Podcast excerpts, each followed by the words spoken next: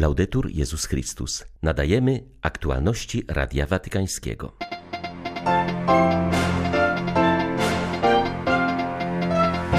Rehabilitacja, Eucharystia i wspólny obiad z personelem. Tak Franciszek spędził niedzielę w szpitalu. Lekarze informują, że jego rekonwalescencja przebiega prawidłowo. W Rzymie trwa peregrinacja relikwii świętej Teresy od Dzieciątka Jezus i jej rodziców. Towarzyszy temu seria wydarzeń ewangelizacyjnych. Rzesze pielgrzymów przybywają do francuskiego opactwa Mont Saint-Michel. Obchodzi ono właśnie tysiąclecie swego istnienia.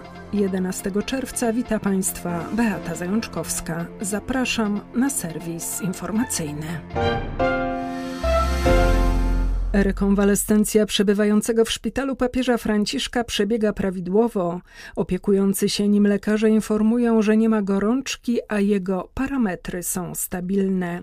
W ramach rehabilitacji rano odbył ćwiczenia oddechowe, po czym spędził czas na modlitwie. Pod klinikę przybyły rzesze wiernych, które modliły się za Ojca Świętego. W komunikacie wydanym przez Biuro Prasowe Stolicy Apostolskiej w czwartym dniu po operacji czytamy, że ekipa medyczna informuje, iż pooperacyjny przebieg papieża Franciszka jest regularny. Prowadzi fizjoterapię i kontynuuje niewielki ruch. Rano obejrzał w telewizji niedzielną mszę i przyjął Eucharystię. Następnie udał się do niewielkiej kaplicy przynależącej do papieskiego apartamentu w szpitalu, gdzie odmówił anioł pański. Po południowej modlitwie maryjnej Franciszek zjadł obiad wspólnie z osobami, które mu w tych dniach towarzyszą. Byli wśród nich lekarze, pielęgniarki, personel pomocniczy oraz watykańscy żandarmi czuwający nad bezpieczeństwem Ojca Świętego.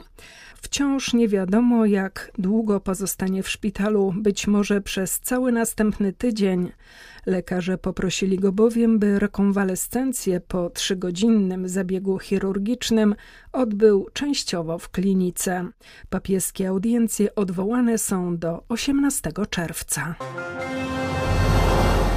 Teresa od Dzieciątka Jezus to święta, którą trzeba odkrywać wciąż na nowo.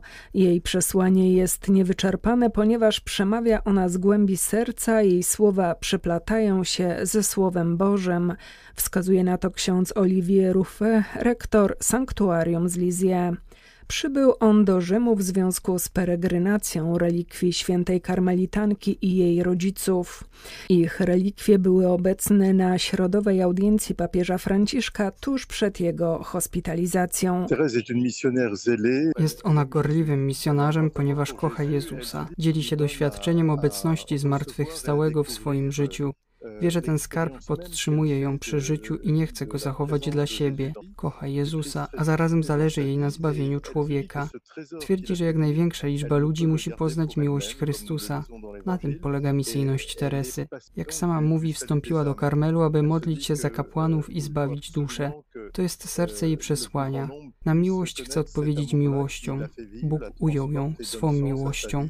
Ta miłość przepełnia jej serce i chce dzielić się nią z jak największą liczbą ludzi.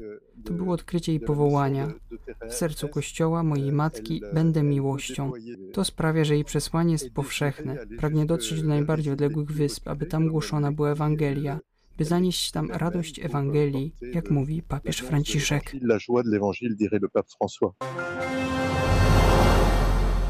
Światowe Dni Młodzieży to zaproszenie do spotkania Chrystusa w bardzo osobisty sposób, mówi ksiądz Joao Chagas, stojący na czele Biura Młodych w dykasterii do spraw świeckich, rodziny i życia, która przygotowuje to światowe wydarzenie.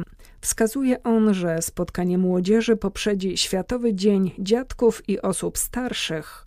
Stąd zachęta, by każdy z uczestników, zanim uda się do Lizbony, odwiedził kogoś w podeszłym wieku. To zaproszenie wystosował sam papież, łącząc w ten sposób te dwa wydarzenia poprzez wybór tego samego fragmentu Ewangelii jako hasła ich obchodów.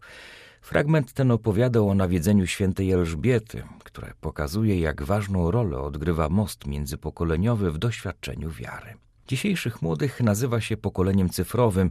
Na HDM nie zabraknie więc specjalnej aplikacji, a dzięki smartfonom będzie można usłyszeć symultaniczne tłumaczenie przemówień papieża poprzez kanał Vatican News. Jednocześnie młodzi są też zaproszeni do odłączenia się od techniki i włączenia trybu samolotowego, aby doświadczyć momentów ciszy, które ułatwiają słuchanie Boga, wskazuje ksiądz Szagas. Przygotowania do wydarzeń centralnych są już na mecie.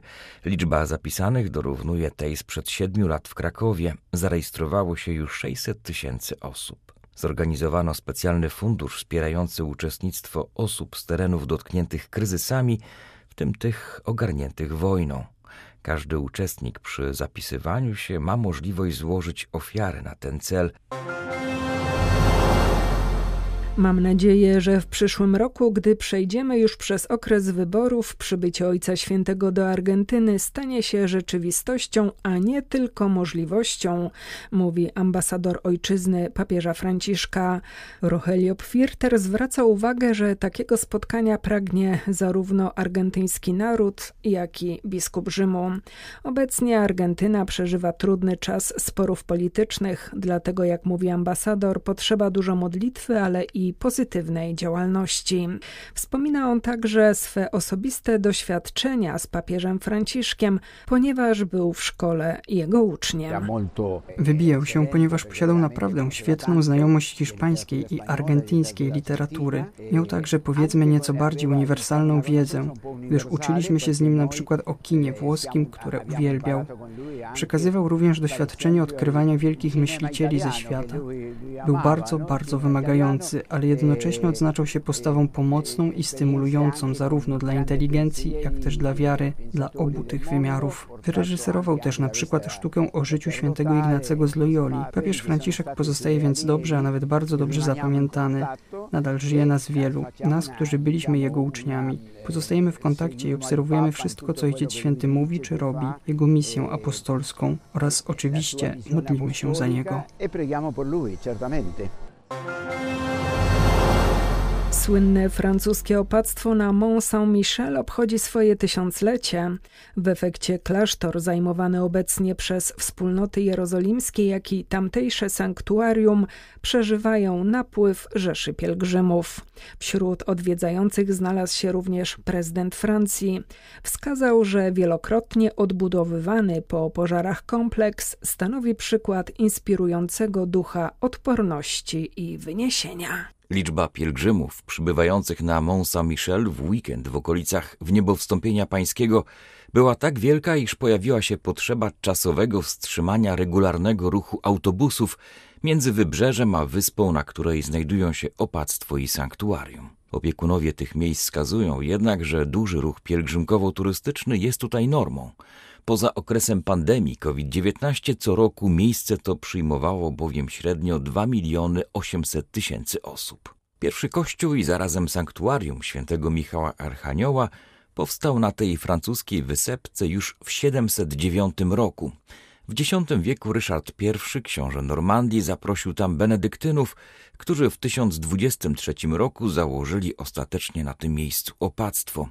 Działało ono do rewolucji francuskiej, po czym aż do drugiej połowy XIX wieku większość budynków służyła jako więzienie. Sprawowanie kultu religijnego powróciło do Mont Saint-Michel w 1922 roku, a życie monastyczne 44 lata później. Właścicielem kompleksu jest państwo, a samym opactwem od 2001 roku opiekują się wspólnoty jerozolimskie. Przyczyniamy się do budowania pokoju, czyniąc Medjugorje w coraz większym stopniu miejscem pokoju, mówi tamtejszy wizytator apostolski. Arcybiskup Aldo Cavalli zauważa, że w tamtejszym kościele pomaga się każdej osobie odzyskać nadzieję i zostać twórcą pokoju, co jest bardzo konkretnym wyzwaniem. Jeśli chce się być twórcą pokoju, trzeba się zaangażować w misję powierzoną nam przez Pana w tym życiu nawet jeżeli chodzi tu o misję prozaiczną i pokorną, albo też trudną.